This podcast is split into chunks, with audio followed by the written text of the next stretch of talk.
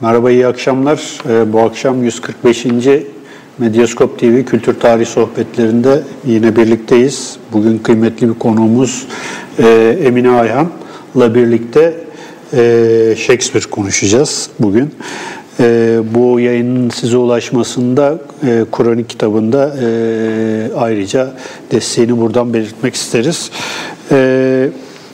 Emine Ayhan'ın Alfa yayınlarından çıkmış olan e, dördüncüsü çıkmış. Yani dört tane e, kitabı var. E, bunlar çeviriler ama aynı zamanda edisyoner çeviriler. E, bunları şu şekilde göstermek istiyorum. En son çıkan Kral. E, yaklaşık 90 sayfa kadar bir e, giriş e, ve e, tanıtım yazısı var. İçinde Emin Aya'nın. Diğeri e, Fırtına. E, yine e, uzunca bir e, sunuş yazısı ile birlikte. E, bir diğeri Venedik Taciri. E, bu da gene Shakespeare'in e, uzun bir girişle birlikte ve son olarak Aysun Şişik'le birlikte çevirdikleri Bir Yaz Dönümü Gecesi Rüyası. Bu çeviriler üzerine konuşacağız. Hem çevirileri hem de biraz Shakespeare üzerine bir program yapalım istedik. Biraz bu aralar popüler de bir konu bu Shakespeare ama... Bir de, bir de bu, tabii şey abi bunlar ciltli bir de karton kapaklı Evet, olanlar var. Yani iki, iki, iki var. şekilde var. Evet. Onları söylemek lazım. Evet, bu e, Mustafa Küpüşoğlu böyle güzel bir seri e, Bir çikolata hazırlamış. serisi var bir de normal. Çikolata kutusu serilerimiz var. Evet.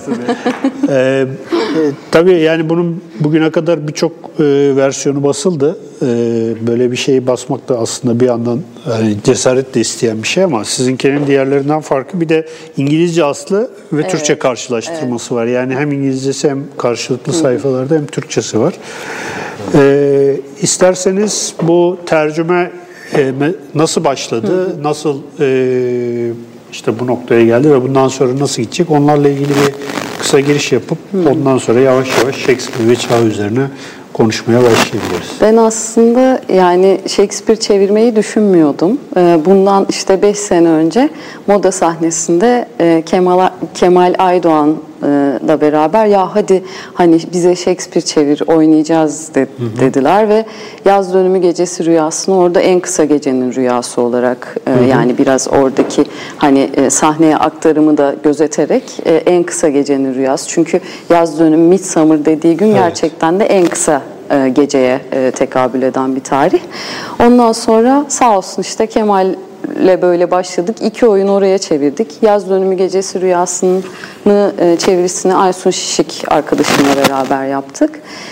Biraz böyle yani sahnede görmek hani Shakespeare çünkü ürkütücü bir isimdi. He- Herkes için olduğu gibi benim için de öyleydi. Ben dil tarih mezunuyum.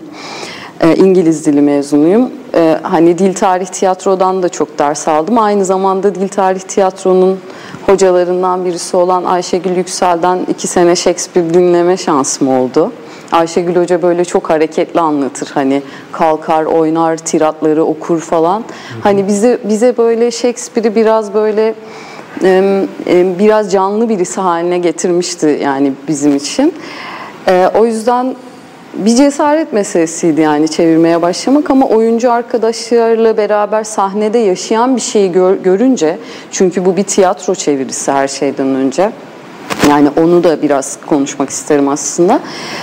Ee, bu hikayeyi anlattıktan sonra Ee, canlı canlı görünce ve nasıl değişebildiğini bir çevirinin e, görünce devam edeyim e, dedim. E, aslında ilk başta hep ben edisyon yapmak istiyordum. Yani bir Shakespeare edisyonumuz olsun. Hani Türkçe okuru e, hani Shakespeare'in ürkütücü bir isim olmadığını ya da e, sadece yüksek kültür e, bir hani e, böyle e, hep kibar konuşan e, birisi değil de hani daha yakın hissedebileceğimiz popüler bir üretim olduğunu aslında e, gör- görebilmeleri için hep edisyon vardı gönlümde. Mustafa Bey'den çeviri almaya gittiğimde sevgili Mus- Mustafa Küpüşoğlu'ndan e, bir edisyon fikrim olduğunu söyledim. O da hadi hemen yapalım dedi. Böyle el yordamıyla bir şeyler yapmaya çalışıyoruz. Yani e, çünkü şey e, aramızda 400 sene var bu metinlerle takriben. e, dipnotlar koymak e, önemli geliyor. Yani Evet. Shakespeare'in yaptığı kelime oyunlarını, e, nın kaynaklarını, politik içerimlerini, o dönem o dönemin işte e, kültür ortamıyla, politik ortamıyla, e, toplumuyla konuşma biçimini neleri kurtardığını aslında hani çok e, modernitenin başlangıcında bir sürü malzemeyi hani halk kültürünü kurtarmaya çalışıyor.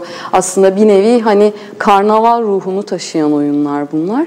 Bütün bunları aktarabilmek için de bir edisyona ihtiyaç vardı. O yüzden işte hem epeyce bir dipnot e, var e, edisyonlarda. Hem de diğer taraftan tabii bunları yaparken yani en az 7-8 e, kaynakçadan da e, anlaşılır.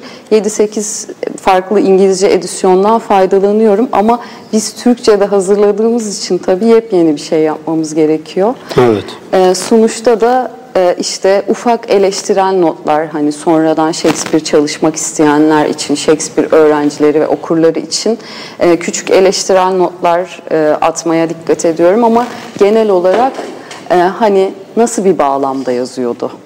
E, çünkü hani bize sadece metinsel bir şeymiş gibi gelen şeyin tarihini bildiğimizde aslında her şey apaçık bir şekilde ortaya çıkıyor. O yüzden çok fazla yoruma ihtiyaç olmadığını hani biraz böyle oyunların na- nasıl bir bağlamda gösterildiğini, matbaaya nasıl aktarıldığını, nasıl edebi eser haline geldiklerini falan bütün bu ayrımları gösterebilmek için bu sonuçlar yetersiz bile sayılır aslında. Yani öyle diyorsunuz ama mesela Kral Lear'da Carl Schmitt'ten e, Kantrovitz'e kadar Evet. bayağı bir dipnot var aslında yani bir tiyatro eserinden çıkıyor zaten biz de o yüzden öncesinde bunu bir, bir- birkaç programlık şimdi ne kadar olacağını bilmiyoruz ama birkaç programlık bir seri olmasına Gideriz, değil mi düşündük. Çünkü çok çok aslında çok malzeme var yani Evet, çok evet. Şey, ç- e, konuşacak üzerine çok konuşacak malzeme var. Ya bir de şey diyecektim. E, e, kaç eser olacak? Hepsini tercüme edecek misiniz? Yani şimdi e, dört arkadaşta daha çeviri e, var. Arkadaşlar lütfen çevirilerinizi bir an önce yapın. Demiş olayım. Kam- Kamuoyu baskısı yaratalım burada.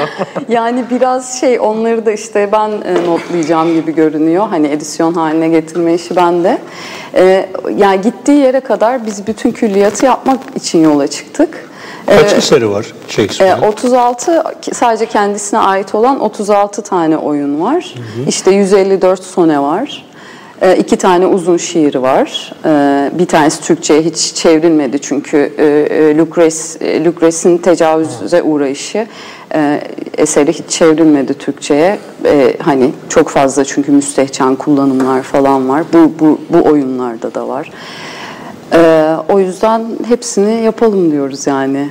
E, istiyoruz Kal- yapmak. kaldı o 32 yani bu durumda. 36. Evet, evet. 36 tane Bence varsa- iki senede fena değil yani tek Evet, evet. kişi. Ya bu arada şunu da belirtmek isterim. Yani İngilizce'de işte böyle bir Arden edisyonu var biliyorsunuz. Ee, 1950'lerin başından beridir çıkan. Yani orada e, tabii çok farklı yayıncılık koşullarında çalıştığı için insanlar her e, bir edisyonun e, farklı editörleri var ve 4-5 sene çalışıyorlar. Şu an Arden edisyonunda e, üçüncü seriye geçildi. Yani tarihi boyunca e, üç tane krallığı yani bütün oyunların üçer tane edisyonu yapıldı. Biz biraz bu işi tabii hani Türkiye'deki e, koşullara göre çok hızlı yapıyoruz yani. E, hızlı yapmaya çalışıyoruz. Valla hız, hızlı olsun ya. bir, bir, bir, bir- biz görelim onları tamamını çevrildiğini Tabii inşallah. görelim. Bu Ha, bu arada şunu da söyleyeyim. Yani buradaki İngilizce e, şeyler de İngilizce metinlerde de mesela işte Hamlet'in e, dört tane kuarto metni var, folyo metni var. E, ondan sonra Kral Lear ve Hamlet özellikle biraz farklı bu konuda. E, Kral Lear'ın folyo e, baskısıyla kuarto baskısı arasında 500 satır fark ediyor.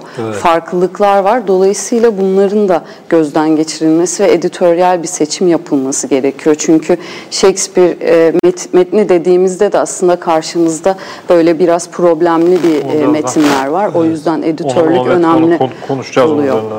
Shakespeare zaten galiba kendi hayattayken basılı bir tek eserini görüyor değil mi? Öyle bir hikaye var. Ya yok 18 tane eserini görüyor kuarto baskı olarak görüyor.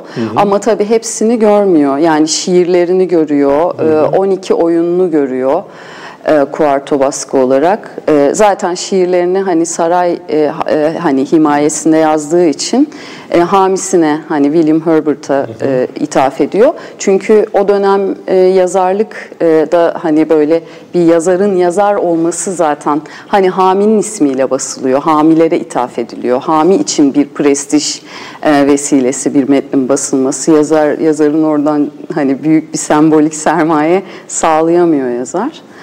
E, böyle bir şey güçlü hamileri olduğu için gene de diğer yazarlara göre daha şanslı olduğu söylenebilir. Bu şey mevzusunu da aslında biraz buradan açmak lazım herhalde. Bir- William Shakespeare bir yazar mı? Yani gerçekten bir şey- William Shakespeare diye birisi var mı? Yoksa bu eserleri birkaç kişi bir ofis yani biraz önce verdiğim örnek herhalde belki bunu karşılar. Mimar Sinan aslında bir mimarlık ofisinin bugünkü anlamda bir mimarlık ofisinin başında ve onun koordinasyonu yapan birisi. Bu dönemde çünkü onlar da aynı dönemde aslında bir e, lonca gibi e, bir yazarlar birliği yahut da yani bu tabii şey anlamda çok geniş anlamda değil de bir ofis gibi mi çalışıyorlar? Yani çünkü şeyden bahsediyoruz siz de tabii ön sözde bahsediyorsunuz. Ya bunu bunda yazdı şu, e, bunu şununla yazdı falan diye belirtiyorsunuz. O yüzden soruyorum. Yani e, müstakil bir yazar mı yoksa bir ofis ofis olarak mı çalışıyorlar nasıl nasıl bir yazarlık şey türü var Evet.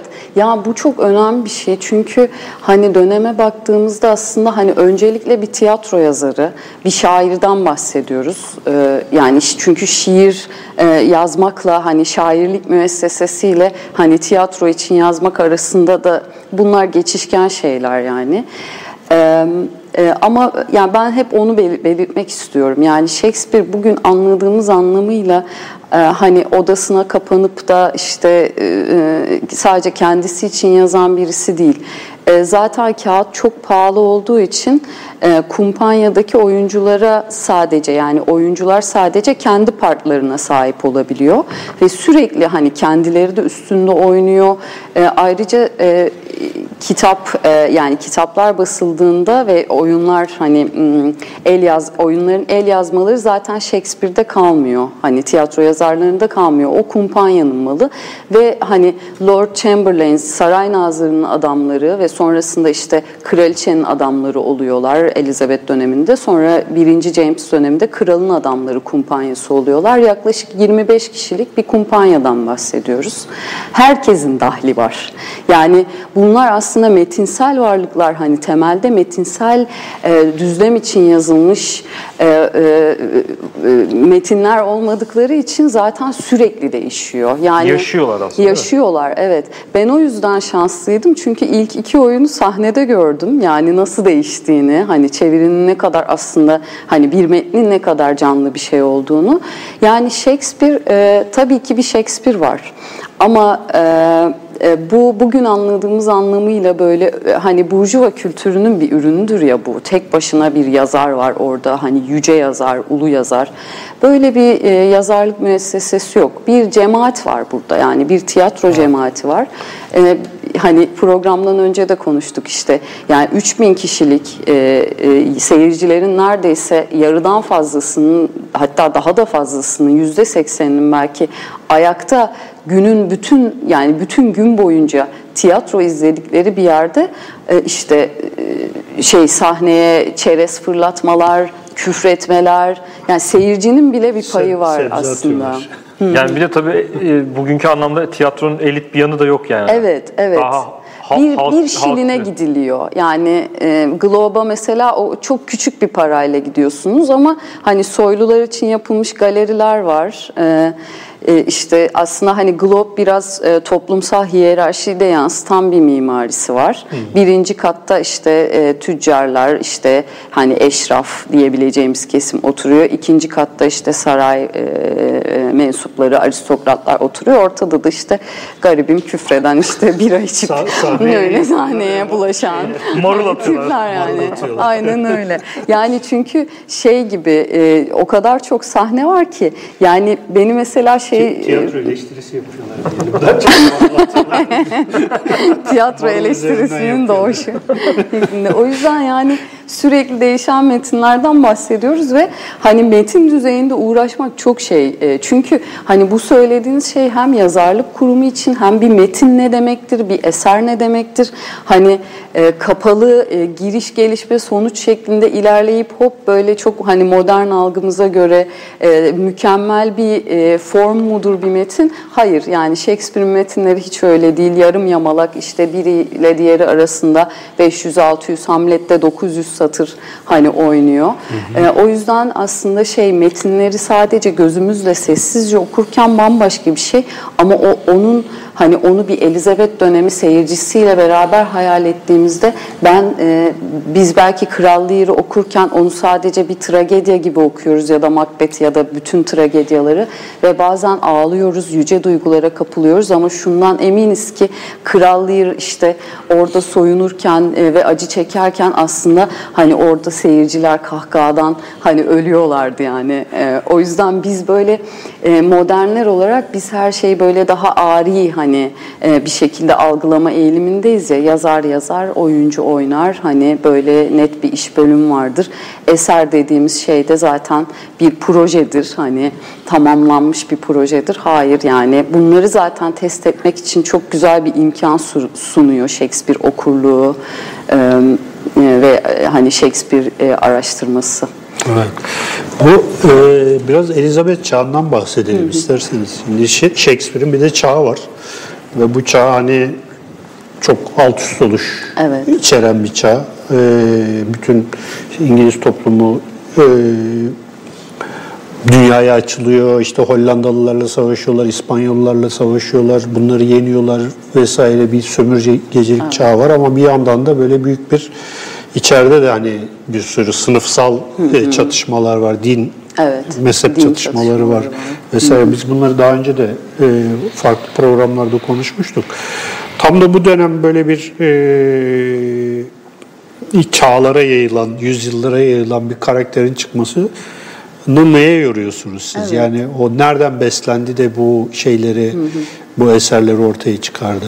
Aslında yani e, hani Shakespeare hiçbir zaman eskimemesinin nedenlerinden bir tanesi de bu. Çünkü tam e, hani e, erken kapitalizmin tam başında e, duruyor. Modernitenin tam başında duruyor. Yani e, işte 8. Henry'den itibaren işte e, sonrasında geri Mary döneminde geri alınmak üzere işte protestanlığa yavaş yavaş İngiltere'nin geçişi tabii ki bunların hiçbiri birbirinden ayrı süreçler değil.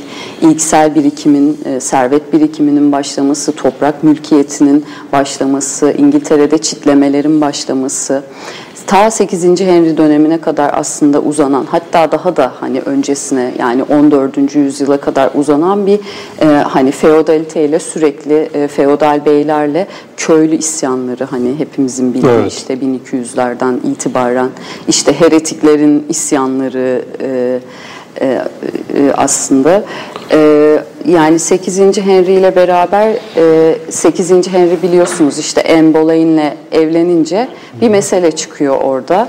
Ee, ve e, Anglikan Kilisesi hani evet. kuruluyor. Roma Kilisesi'nden ayrılıyor ve bu çok büyük bir meşruiyet krizi aynı zamanda 8. Henry için. Çünkü e, krallar e, meşruiyetlerini ve siyasal hani iktidarlarını kiliseden alıyorlar. Ama 8. Henry diyor ki ben artık ne aristokratlara bağlı olmak istiyorum ne de Roma Kilisesi'ne bağlı olmak istiyorum. Ben doğrudan doğruya Tanrı'nın e, hükmüyle e, yönetiyorum diyor. Hani Kantorovic'in işte kralın iki bedeninde anlattığı süreç aslında seküler bir iktidara doğru hani geçiş için atılan adımlar. Yani bu İngiltere'de 8. E, Henry ile başladığını söyleyebiliriz. Ama daha da önemlisi yani e, bu protestanlığa geçiş e, geçişin gereği şuradan kaynaklanıyor.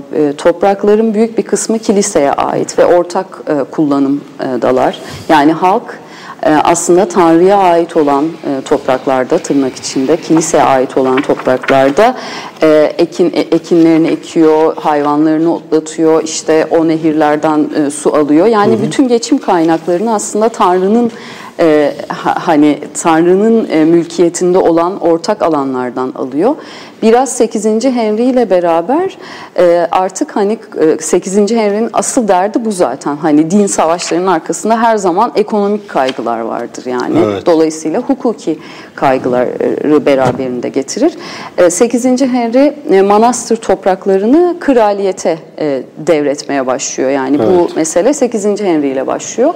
Ve tabii 200 yıl boyunca İngiltere'de süren çok ciddi e, isyanlar yani sürekli isyanlar e, hani ta Paris Komünü bile hani bu isyanların devamı aslında yani oraya kadar giden.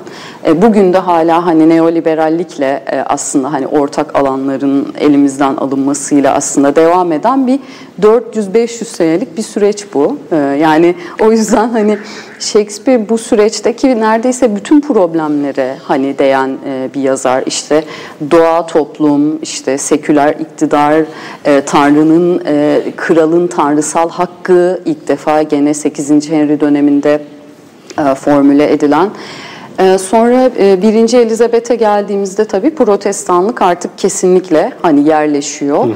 Fakat aslında kralın tanrısal hakları ve kralın seküler bir kişi olarak aynı zamanda teolojik iktidarı devralan bir kişi olarak sahneye çıkmasının ilk hukuki adımlarını 1. Elizabeth atıyor ama 1. James döneminde cadı avlarıyla beraber ve cadı söylemiyle beraber hani bu bizim dönemimizdeki terör söyleminin işlevine çok benziyor. Hı hı. Çünkü sürekli bir isyan korkusu var. E, halk sürekli ayakta. E, dolayısıyla e, bu korku unsurunu bir şeyin cisimleştirmesi gerekiyor. Yani e, bu, bu da aslında cadı e, figüründe e, cisimleşiyor bu korkuda. Hı hı. E, o yüzden e, Shakespeare'in oyunlarında e, işte pagan e, Katolisizmle beraber aslında Katolikliğin temellük ettiği pagan halk kültüründen çok fazla öğe vardır. Masallar, şarkılar, e, işte insanların Robin Hood bayramlarına e, gidişleri, e, e, işte isyanlarla ilgili çok fazla göndermeler var. Ben biraz böyle şey e, karışık anlatıyorum ama Yo, e, sanki. Hı hı.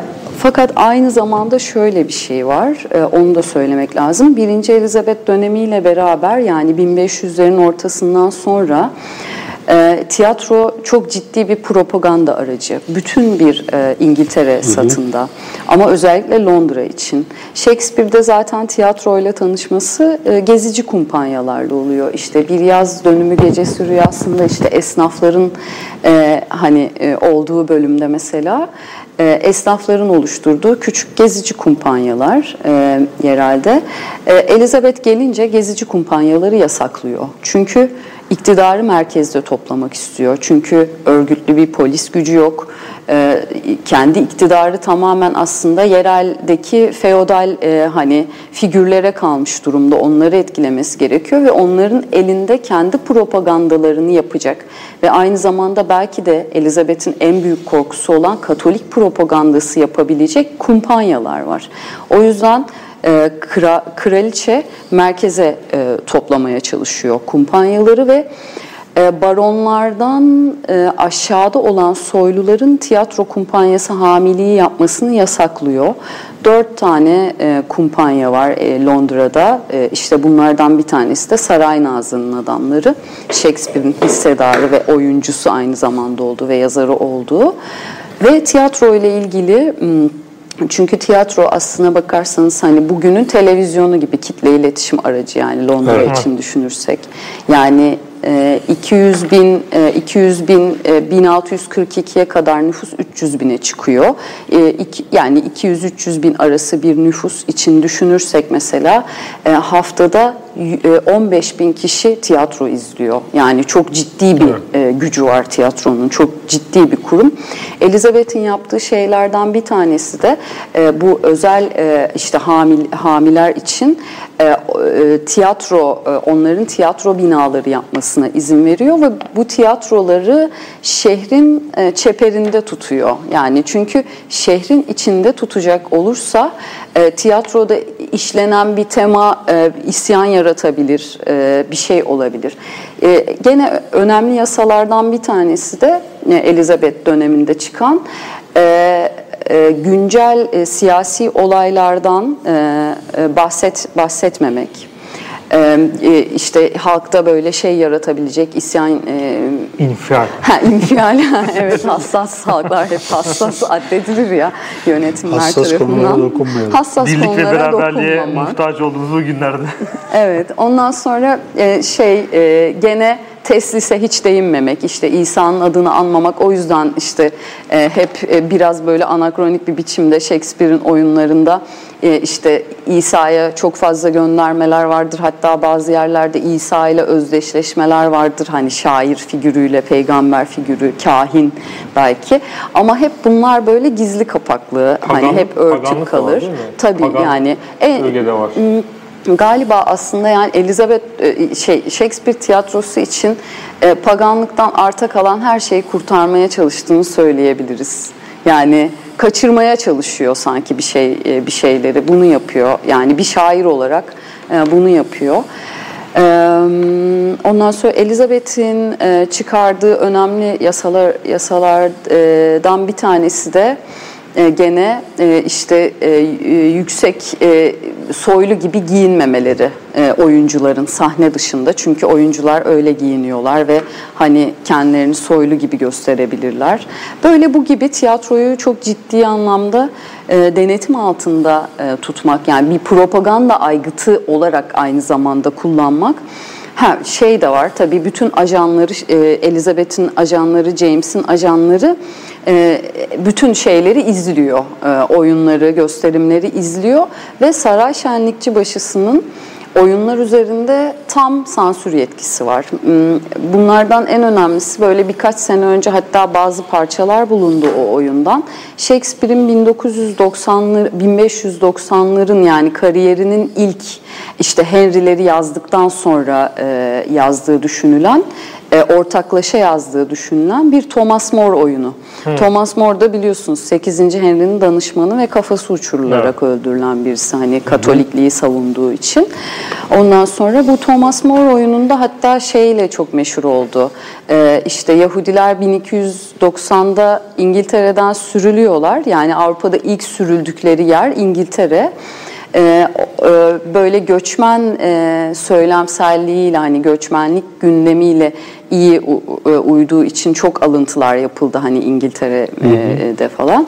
Ee, e, Yahudilere de yer verdiği hani Yahudilerin göç edişine çok korkunç bir şekilde hani bütün mallarını bırakarak gitmek zorunda bırakılışlarına üstelik de Kral 2. Edward'ın onlardan aldığı bir sürü borcu hani kapatmak için aslında hani Borç- hani borcu aslında gönder, gönderdiği söyleniyor. Evet. Ee, Ondan sonra mesela Sir Thomas More oyunu e, hiç oynanmıyor. Yani birkaç kere sansür yiyor e, belgelere bakılırsa ama Saray Şenlikçi Başısı hiçbir zaman bu sansürleri yeterli bulmuyor E, ve Thomas More oyunu hiçbir zaman oynanmıyor. Şu anda elimizde böyle e, yüz dizesi falan olan hani bir oyun. E, Ha, bütünü de yok yani. Evet yok. Bu hayır. biraz şeyle benziyor. Aynı dönem için Osmanlı ile karşılaştırırsak şeyde kahvehanelerin işte 4. Murat tarafından kamusal olan Evet, evet. olarak görülüp e, siyaset konuşuyorlar. Ondan sonra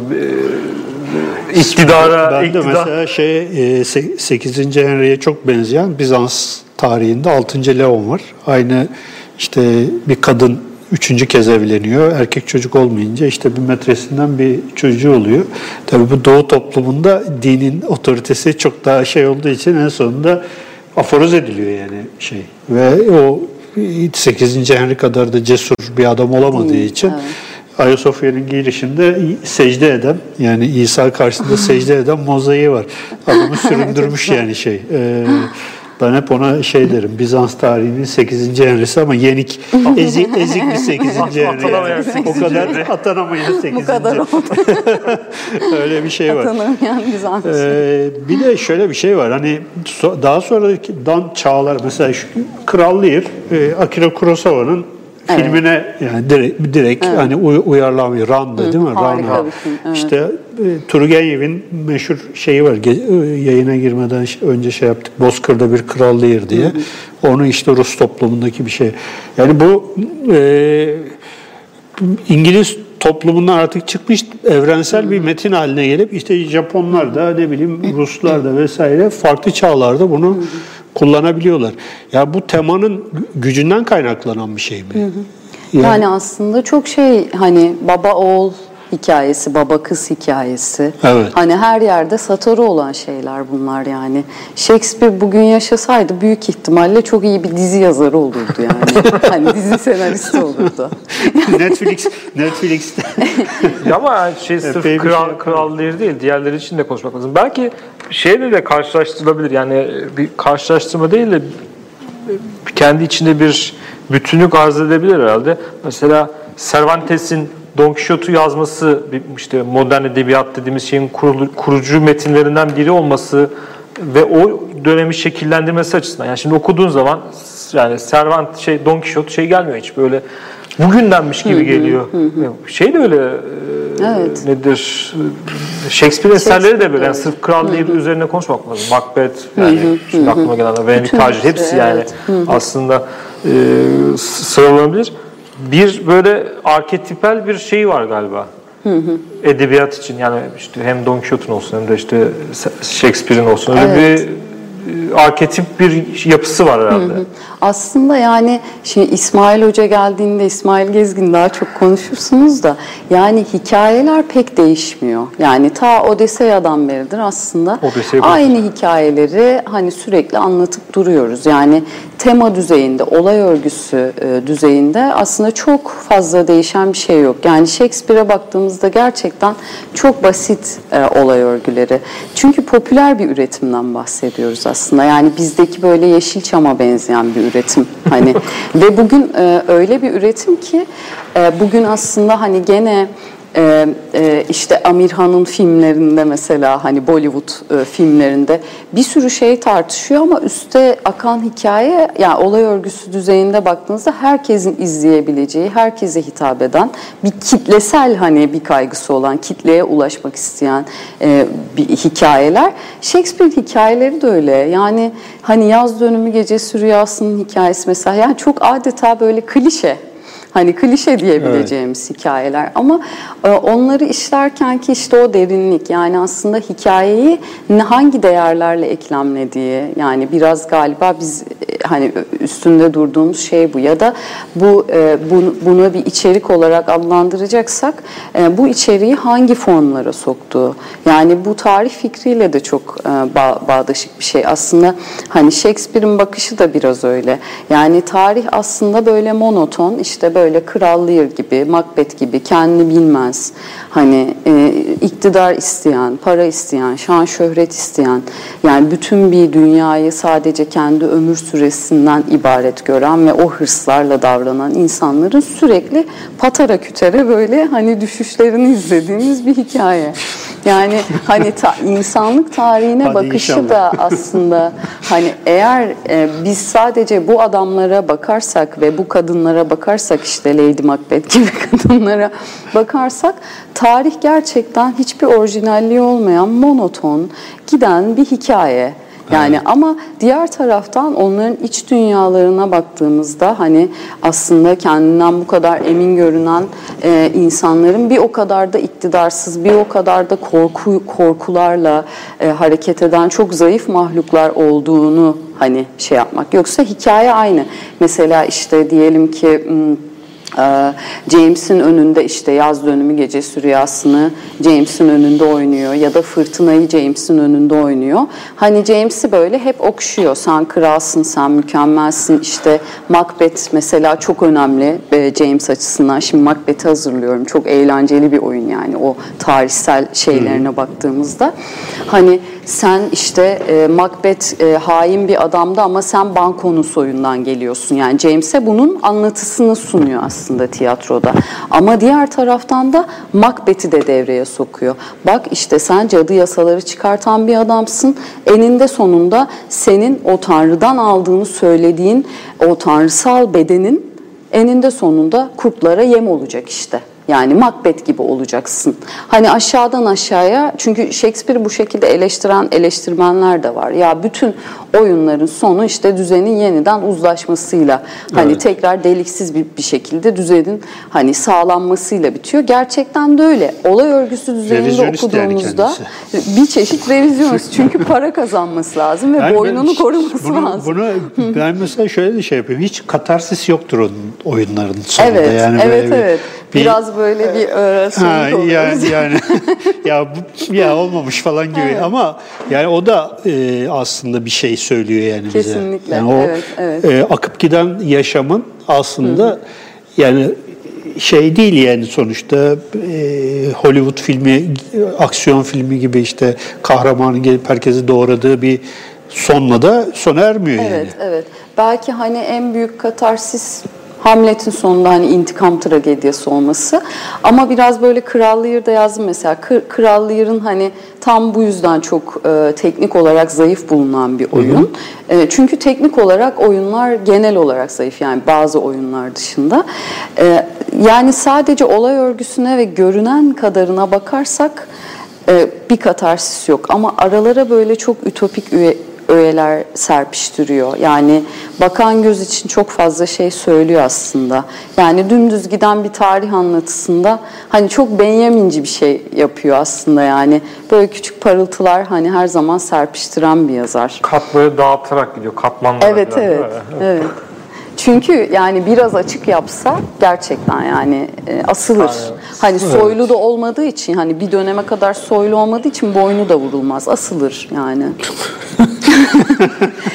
Çünkü yaz dönümü gecesi e, rüyasındaki esnaflar mesela soyluların önünde oynuyor. Hani evet. kral ve kraliçenin önünde oynuyorlar. Aman dikkat edin ne söylediğimize hani yanlış Ağzınızdan bir şey söylersek bir şey işte aslan e, kılığındaki oyuncu gerçekten aslan gibi olursa bu arada o da yaşanmış bir hikaye anlatırım size. E, şey e, aslandan kükremesinden e, işte kibar hanımlar beyler korkarlarsa hani boynumuz ipe gider aman hani bu gerilimde oynuyorlar. Bu arada o aslan hikayesi de gerçekten birinci James'in e, erken ölen oğlu adını unuttum şimdi Charles olabilir. Ay Charles değil Charles olmayan e, e, asıl hani veliahtı hı hı. o gözüyle bakılan oğlan şey olurken vaftiz töreninde aslan getiriyorlar. Hani aslanla hmm. araba. Sonra e, birileri diyor ki hayır aslanla araba yapmayalım çünkü eğer hani kral gıcık olursa hepimiz gideriz yani ipe gideriz. O yüzden çıkartılıyor. Oraya bir gönderme aslında hmm, o da. Evet. Sizin bu ön sözlerinizden bir tanesinde şey yaz, söyle, yazmışsınız. Shakespeare'i hala hala güncel kılan şey güncel olmamasıdır. Evet, evet. Bu da çok bu çok güzel, bir şey. güzel bir şey yani. E, yani aslında biraz bunlar giriş yaptık ama bu güncel olmama hikayesi e, ile hala güncel olma arasındaki bağ nedir yani? Evet. Yani biraz aslında hani bu çok böyle tarih felsefesinde falan konuşulan şeylerdir ya hani çağdaşlık ne demektir, güncellik ne demektir? Hani insan şimdiyle ilişki kurarken aslında hani geçmişle nasıl bir ilişki kuruyordur e, falan filan. Yani e, bir şairi doğrudan ilgilendiren şeyler ama şunu belirtmek lazım her şeyden önce yani meseleyi felsefileştirmeden önce birinci Elizabeth döneminde güncel meseleleri yazmak yasak zaten. Hı hı. Yani böyle bir şans yok. Dolayısıyla e, hani bir şair olarak e, e, e, bu onun için biraz hani seçim değil de bir zorunluluk gibi görünüyor. Fakat diğer taraftan da işte kah Yunanistan'a gidiyor, işte Roma'ya gidiyor, bambaşka yerlere gidiyor yani dünyanın çeşitli yerlerine Venedik'e gidiyor, işte İngiltere'ye gidiyor, İskoç 11. yüzyıl İskoç dünyasına gidiyor. Bir sürü yere gidiyor. E, bu da e, hem e, sansür anlamında düşünürsek onu sansürden koruyan bir şey. Çünkü yani iktidar ajanları çok kalın kafalı her zamanki gibi oldukları için anlamıyorlar. Ha Elizabeth'ten bahsetmiyor, 8. Henry'den bahsetmiyor o zaman tamam falan hani gibi bir şey. Diğer taraftan da aslında hani biraz önce söylediğimiz şey eğer tarih bir hani hep muktedirler tarafından yazılmış bir makro anlatıysa e, bu çok monoton bir şey. Yani aslında hiçbir şey değişmedi. Yani e, işte şeyde Verona Verona'da e, Venedik'te de hiçbir şey değişmedi. Yaz dönümü gecesinin işte Yunanistan'da da aynı iktidar ilişkileri vardı. Hatta ormanlarda periler bile iktidar hani kavgası yapıyorlardı. Hani masallar da dönüşüyor e, evet. aynı şekilde. E, o yüzden e, yani çağına mesafe alabilmek e, şeyin çok güzel bir yazısı var çağdaşlıkla ilgili Agamben'in. E, e, şimdi çağının dertlerine kapılsa yani günün dertlerine kapılsa biz de bizim de derdimiz aslında bu. Yani evet. hani bugün bir gazeteyi açtığımızda bir sürü şeyle karşı karşıya kalıyoruz. Bir ton enformasyonla karşı evet. karşıya kalıyoruz ve enformasyon artık insanların hani zamansal, e, ruhsal bütünlüklerini gerçekten fazlasıyla parça, parçalayan bir şekilde bence işlevsel bir biçimde kullanılıyor da. Yani e, çağımıza baktığımızda her çağ gibi sadece kendi ömür süremizle baktığımızda en kötü durumda olan biziz gibi. Yani büyük ihtimalle Elizabeth ve James döneminde e, sokaklarda aç dolaşan ve ormanlarda açlıktan hani kök yiyen e, binlerce, e, on binlerce insan da büyük ihtimalle en karanlık çağda kendilerinin yaşadıklarını e, düşünüyorlardı. E, ama e, biraz e, bu e, bu akut e, duruma, biraz bu hıza mesafe aldığında düşünen bir zihin e, ve beden, e, buna mesafe aldığında tabii aslında nelerin değişmediğini ve nelerin değiştiğini e, daha sistematik bir şekilde görebilme şansına sahip oluyor galiba. Yani ilişkiler açısından hani görebilmek. Yani Shakespeare'e baktığımızda aslında bütün oyunlarında hep bir bağ probleminin olduğunu. Marx Shakespeare'i çok severmiş. Yani hatta çocuklarına ezbere okurmuş yani. Hatta kendisinin de sonradan yırttığı bir tiyatro oyunu var. 20'lerinde yazdığı romantik bir oyun olduğunu hmm. tahmin ediyoruz. Ee, hani nesnel ilişkilere e, bakmak aslında. Yani nesnel ilişkilere baktığımızda da aslında fiili bazı somut durumlar dışında çok değişen bir şey olmadığını görüyoruz. Tabii ki değişen bir sürü şey var. Ama formlar değişirken aslında hani temelde iktidarın hareketleri hiçbir zaman değişmiyor ve iktidarın kendini yayma biçimi hiçbir zaman değişmiyor gibi e, bir bir şey. Evet. Hmm. Yani o yüzden e, çağdaş bir de tabii şu yüzden de çağdaş. Yani biraz önce saymaya çalıştığımız işte e, kapitalizm, ilksel birikim dönemi, cadı avları, hani bugünkü terör söylemine korku söylemi yani. İşte ilk defa e, bir toplum yasası altında bugünkü ulus devlet hani 20. 19. yüzyılda intikal edecek olan ulus devlet yapısına dönüşecek olan bir merkezi iktidar, bir siyasal egemenlik. Bütün bunlar belki de bizi bugün o kadar çok ilgilendirdiği için yani bir perdenin sanki sonlarına gelmiş gibiyiz yani hani Shakespeare'e buradan baktığımızda. Yani onun ilk başta saptadığı her şeyin sonuçlarını sanki yaşıyormuşuz gibi. O yüzden yani Shakespeare bugün okumak e, giderek giderek daha önemli bir hal alıyor. Bir, bir cevap oldu mu bilmiyorum da. Çok, Çok şahane cevap yani. oldu. Daha ne olsun. ne kadar konuştuk. Marx'a bile şey girdik. Valla Shakespeare, Ma- Marx'a Ma- Ma- Ma- Marx Shakespeare'i seviyormuş. Çok biz de, biz de, biz de ikisini de seviyoruz. evet. Şimdi şey mevzusu da var aslında burada. Bu, buradan yani farklı bir yanı aslında bu e, tiyatro oyunu e, yani bilindik bir mod da aslında. Tüm dünya bir oyun sahnesidir.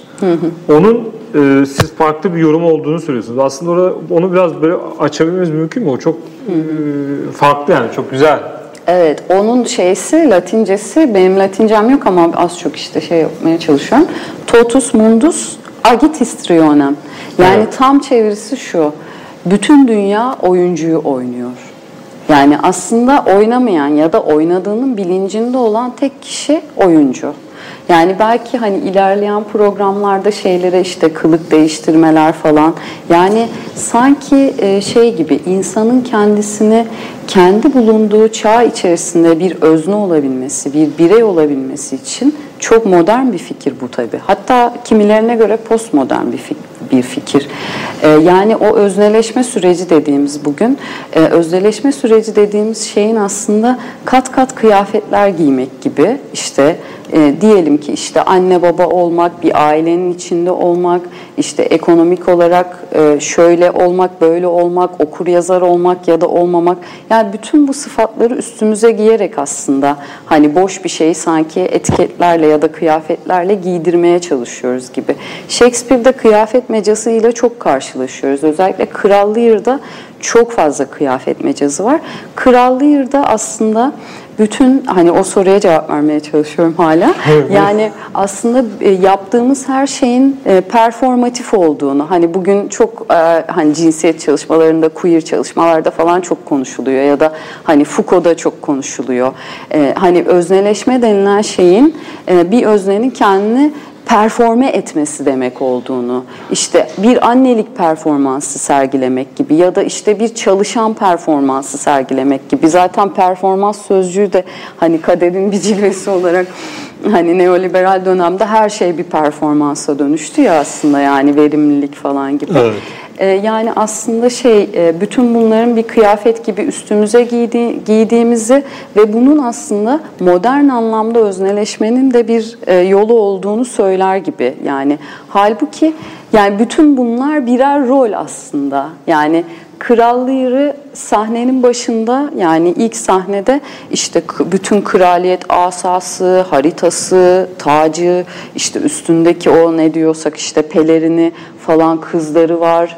Yani bütün o kral kral rolünün gerektirdiği bütün sahne hani malzemesiyle beraber görüyoruz ve kıyafetlerle. Ama Kral artık yavaş yavaş oyun boyunca üstündekileri artık söküp atıyor ve bir çıplaklaşma süreci e, yaşıyor. Aslında Shakespeare bize şunu sorduruyor sanki. Yani biz bu kadar kendimizi önemli birer birey ya da şöyle diyelim birer e, Marx'ın e, kullandığı tabirle birer mikro egemen olarak kurarken hani kendimizi bütün dünyadan ayırırken bütün e, diğer insanlardan diğer varlıklardan ayırıp kendi sonluluğumuzla bir hayat kurmaya çalışırken yani mikro egemen olmaya çalışırken küçük devlet e, küçük devletçikler gibi davranmaya çalışırken aslında bunları hep bir rol icabı yapıyoruz. Bize bunu bu rolü oynatan şey de toplumsal mekanizmalar, kurumlar. Evet. Yani Shakespeare'de bunun e, bu öğretinin aslında bir şeysi. Yani e, bütün dünya oyuncuyu oynuyor ama biz hepimiz oyuncuyu oynuyoruz ve bilinçsizce bu onu gerçekten kendimiz zannederek bölünemez bireyliğimizi kendi öz varlığımız zannederek e, e, oy, oynuyoruz aslında ama bunun farkında değiliz. Yani çok hoş bir e, şey. Sürekli işletilen evet. bir mecaz zaten. Sürekli hani Shakespeare için hani ne diyorduk? Türk e, e, bütün dünya bir oyun evet. sahnesidir. Yani e, burası gibi yani burası da evet. bir sahne ve şu an biz hani aslında bir sürü mekansal kodla işte belli bir zaman içerisinde belli bir şey konuşuyoruz. Hani e, bunun gibi aslında. Evet. Bu şeye de benziyor. Tam böyle şimdi bir şey atıf vereceğim ama çok böyle bir alakasız gibi duruyor. Yani Kur'an'da da mesela şey geçiyor. Bu dünyayı hep şey olarak bir oyun sahnesi yani oyun olarak e, ya da rüya sufizmde yani bir sonraki işte ölümden sonraki hayatın gerçek olduğunu vurgusunu yapıyor. O yüzden böyle bir sürekli bir e, şey metinlerde diyelim e, büyük metinlerde böyle bir şey var. Hayatın geçiciliği, evet. oyun oyun olduğunu üzerine sürekli bir vurgu var yani. Evet. Bir e, şey mesela şimdi siz Kur'an deyince bu Shakespeare e, işte Kur'an'la ilişkisi, İslam'la ilişkisi daha doğrusu hatta Sufizmle ilişkisi falan çok tartışılıyor. Çünkü yani bu çok hani kadim bir e, bilgi. Yani bunu ta işte Dionysos kültünde de bulmak mümkün. Eski işte Homeros'un yazdığı ilahilerde, bütün parçalarda işte Odysseus'un hikayesinde de bulmak mümkün. Aslında yani bir insan tekinin hani kendi e, ruhsal yolculuğuna çıkması, hani kendini yapma evet. biçimi aslında. E, şimdi bu tür bir içsel bakış görünce hemen aa sufizm mi acaba falan. Hayır orada da vardı yani aynı bilgi evet. orada da vardı.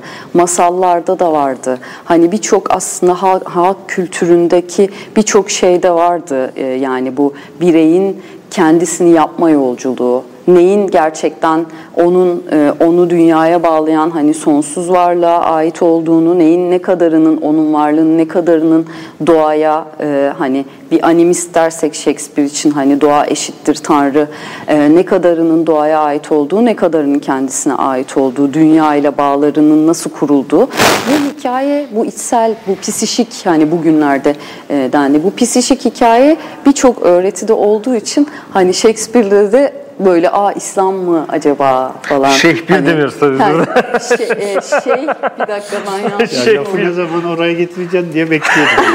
Değil mi? Ben hadi sen ya, yaparsın diye bekledim de. Ben, ben sen yaparsın diye bekledim. Hayır, hayır, Senden hayır. gelmeyince ben. Ciddi. yemekte, yemekte söylüyorum da. Şey Zübahir, Zübahir diyorlar. Şimdi bu sizin e, onu e, Onur Orhan'da değil mi? Onur, evet Onur evet Onur'la yaptığınız programda e, onu da izledim ben buraya gelmeden önce. Shakespeare'le ilgili şöyle ilginç bir şey dönmüştü orada. Diyorsunuz ki Shakespeare tipin değil, Tutkun'un yazarı olmuştur. Tutkun'un tiplemesini yaratmıştır. Hayır, böyle bir şey söylemiyorum. Yalan. Burada e, gerçekten mesela duydu, şey yaptığınız zaman bir e, bütün işte şeylerde karakterleri bir tutkunun e, karşılıkları gibi. Karşılıkları ve onlar da aslında evrensel tutkular işte. E, ne bileyim işte iktidarla ilgili e, şeyler var. İşte vesaire para tutkusu ondan sonra vesaire. Yani bu e, bu bir yöntem midir? Daha sonra mesela daha sonra ondan sonra gelenler bu yoldan gitmek isteyenler neden Shakespeare kadar başarılı olamamıştı? bu bir soru işareti yani. Ee, hani bir muhabbet dönmüş diye bir Shakespeare çıkardılar. Başka da kimse çıkmadı ama yani ondan sonra da belki hani e, başka bir yoldan giden işte Rus yazarları, Çehovlar, şunlar bunlar vardı tabii ki ama bir yandan da böyle bir şey var. Yani bu e, Shakespeare'in başarısı acaba e, e, doğrudan tipleme üzerine odaklanması değil de daha çok evrensel bir sorunun tiplemesi hı hı. gitmesi miydi acaba? Hı hı. Veya tutkunun? Evet yani şimdi şunu düşünüyorum. E, bugünkü e, hani Shakespeare için e, şöyle bir saptama vardı yani Shakespeare şunu saptadı.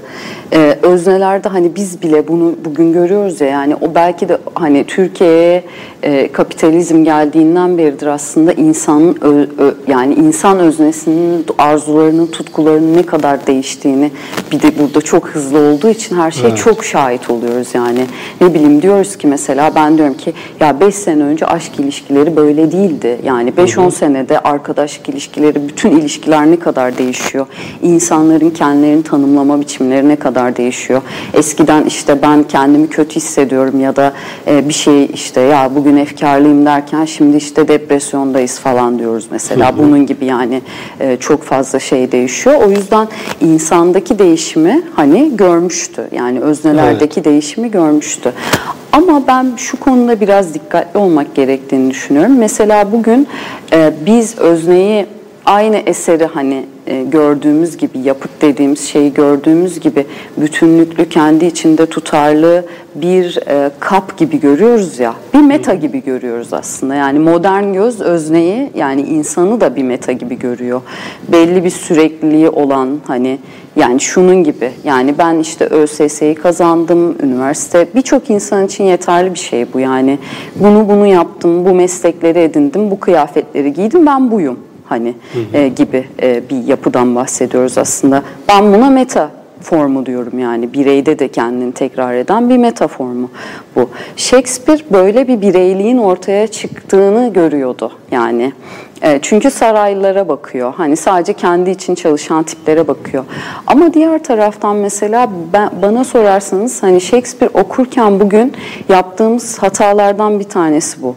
Mesela ben Hamlet'e e, bir e, tiyatro varlığı o. Ben ona modern bir birey gibi bakamam. Yani e, onu ben e, tiyatro yani teatral bir araç olarak görürüm ve metinde nerelere uzanıyor Hamlet'in ilişkisi nerelerle? Hamlet bir küçük bir dişli ise bu makinede hani ya da bu organizmanın içinde bir hücre ise nerelere değiyor, nerelere çarpıyor ve tiyatro mekanizması, dramatik mekanizma nasıl işliyor diye bakarım. Aslında kendime de böyle bakabilmem gerekir. Yani bir özne olarak. Ben ne yapıyorum, nelere çarpıyorum, hangi kurumlardan geçiyorum? Hani bu oyun içerisinde e, işte Marx buna nesnel bilinç diyordu aslında. Hani kişinin kendine ilişkin nesnel bilinci ya da durumsal bilinci dediğimiz bir şey. E, Shakespeare'de böyle bir bir e, tiyatro mekanizması var ve aslında şey sizin dediğiniz Cengiz tip hı hı. tipsellik meselesini şeyden alıyor. Yani töre töre oyunları, morality oyunlarında işte cisimleşmiş işte kötülük var, para var, şehvet var. Bunların hepsi birer karakter. Ama karton karakterler. Hani daha çok dini nitelikli ve ahlaki nitelikli oyunlar. Töre komedyalarından çok fazla şey oluyor. Diyelim ki işte 3. Richard gibi bir tipi hani tip e, burada e, e, gevşek anlamda kullanıyorum. 3. Richard gibi bir karakteri belki de e, ondaki şeyi görebiliyoruz yani töre oyununda bu e, kötülüktü. Hani 3. Richard kötülüktü. Ama öyle bir, bir şekilde işliyor ki artık o çok boyutlu bir insan. Kendi içinde de çatallaşıyor 3. Richard. Yani bize her zaman o tipselliğin gerisindeki şeyi bir kere veriyor, ilişkiselliği veriyor. Hiç kimse tek başına bir bütün değil. Bu yanılsamaya düşebiliyor Macbeth ve Lady Macbeth gibi. Biz işte bu adamı öldürürüz, Claudius'u öldürürüz işte kraliyet de bizim olur. O hani ilerletiriz kariyerimizi, hı hı. güzel gider hayat e, dercesine hani bunu da veriyor.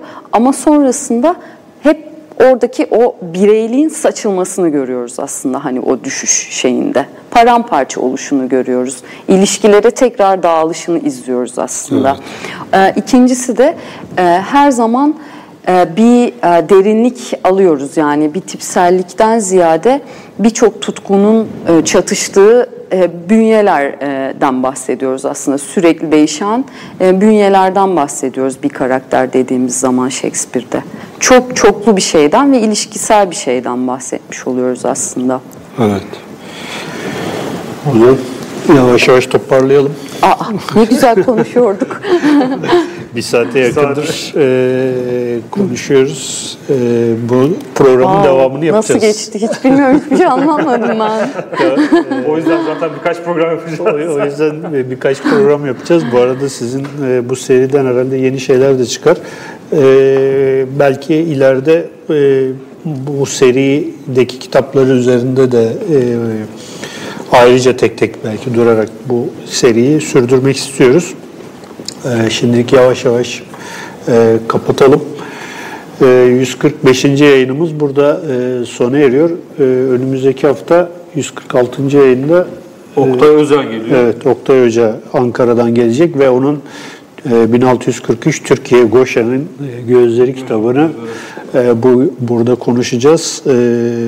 Bizi izlediğiniz için hepinize çok teşekkür ediyoruz bu yayının size ulaşmasına destek olan kronik yayınlarına da ayrıca çok teşekkür ediyoruz. Emine Hanım'a zaten çok teşekkür e, ediyorum. Çok teşekkür ediyoruz. Hepinize iyi akşamlar diliyoruz. İyi akşamlar.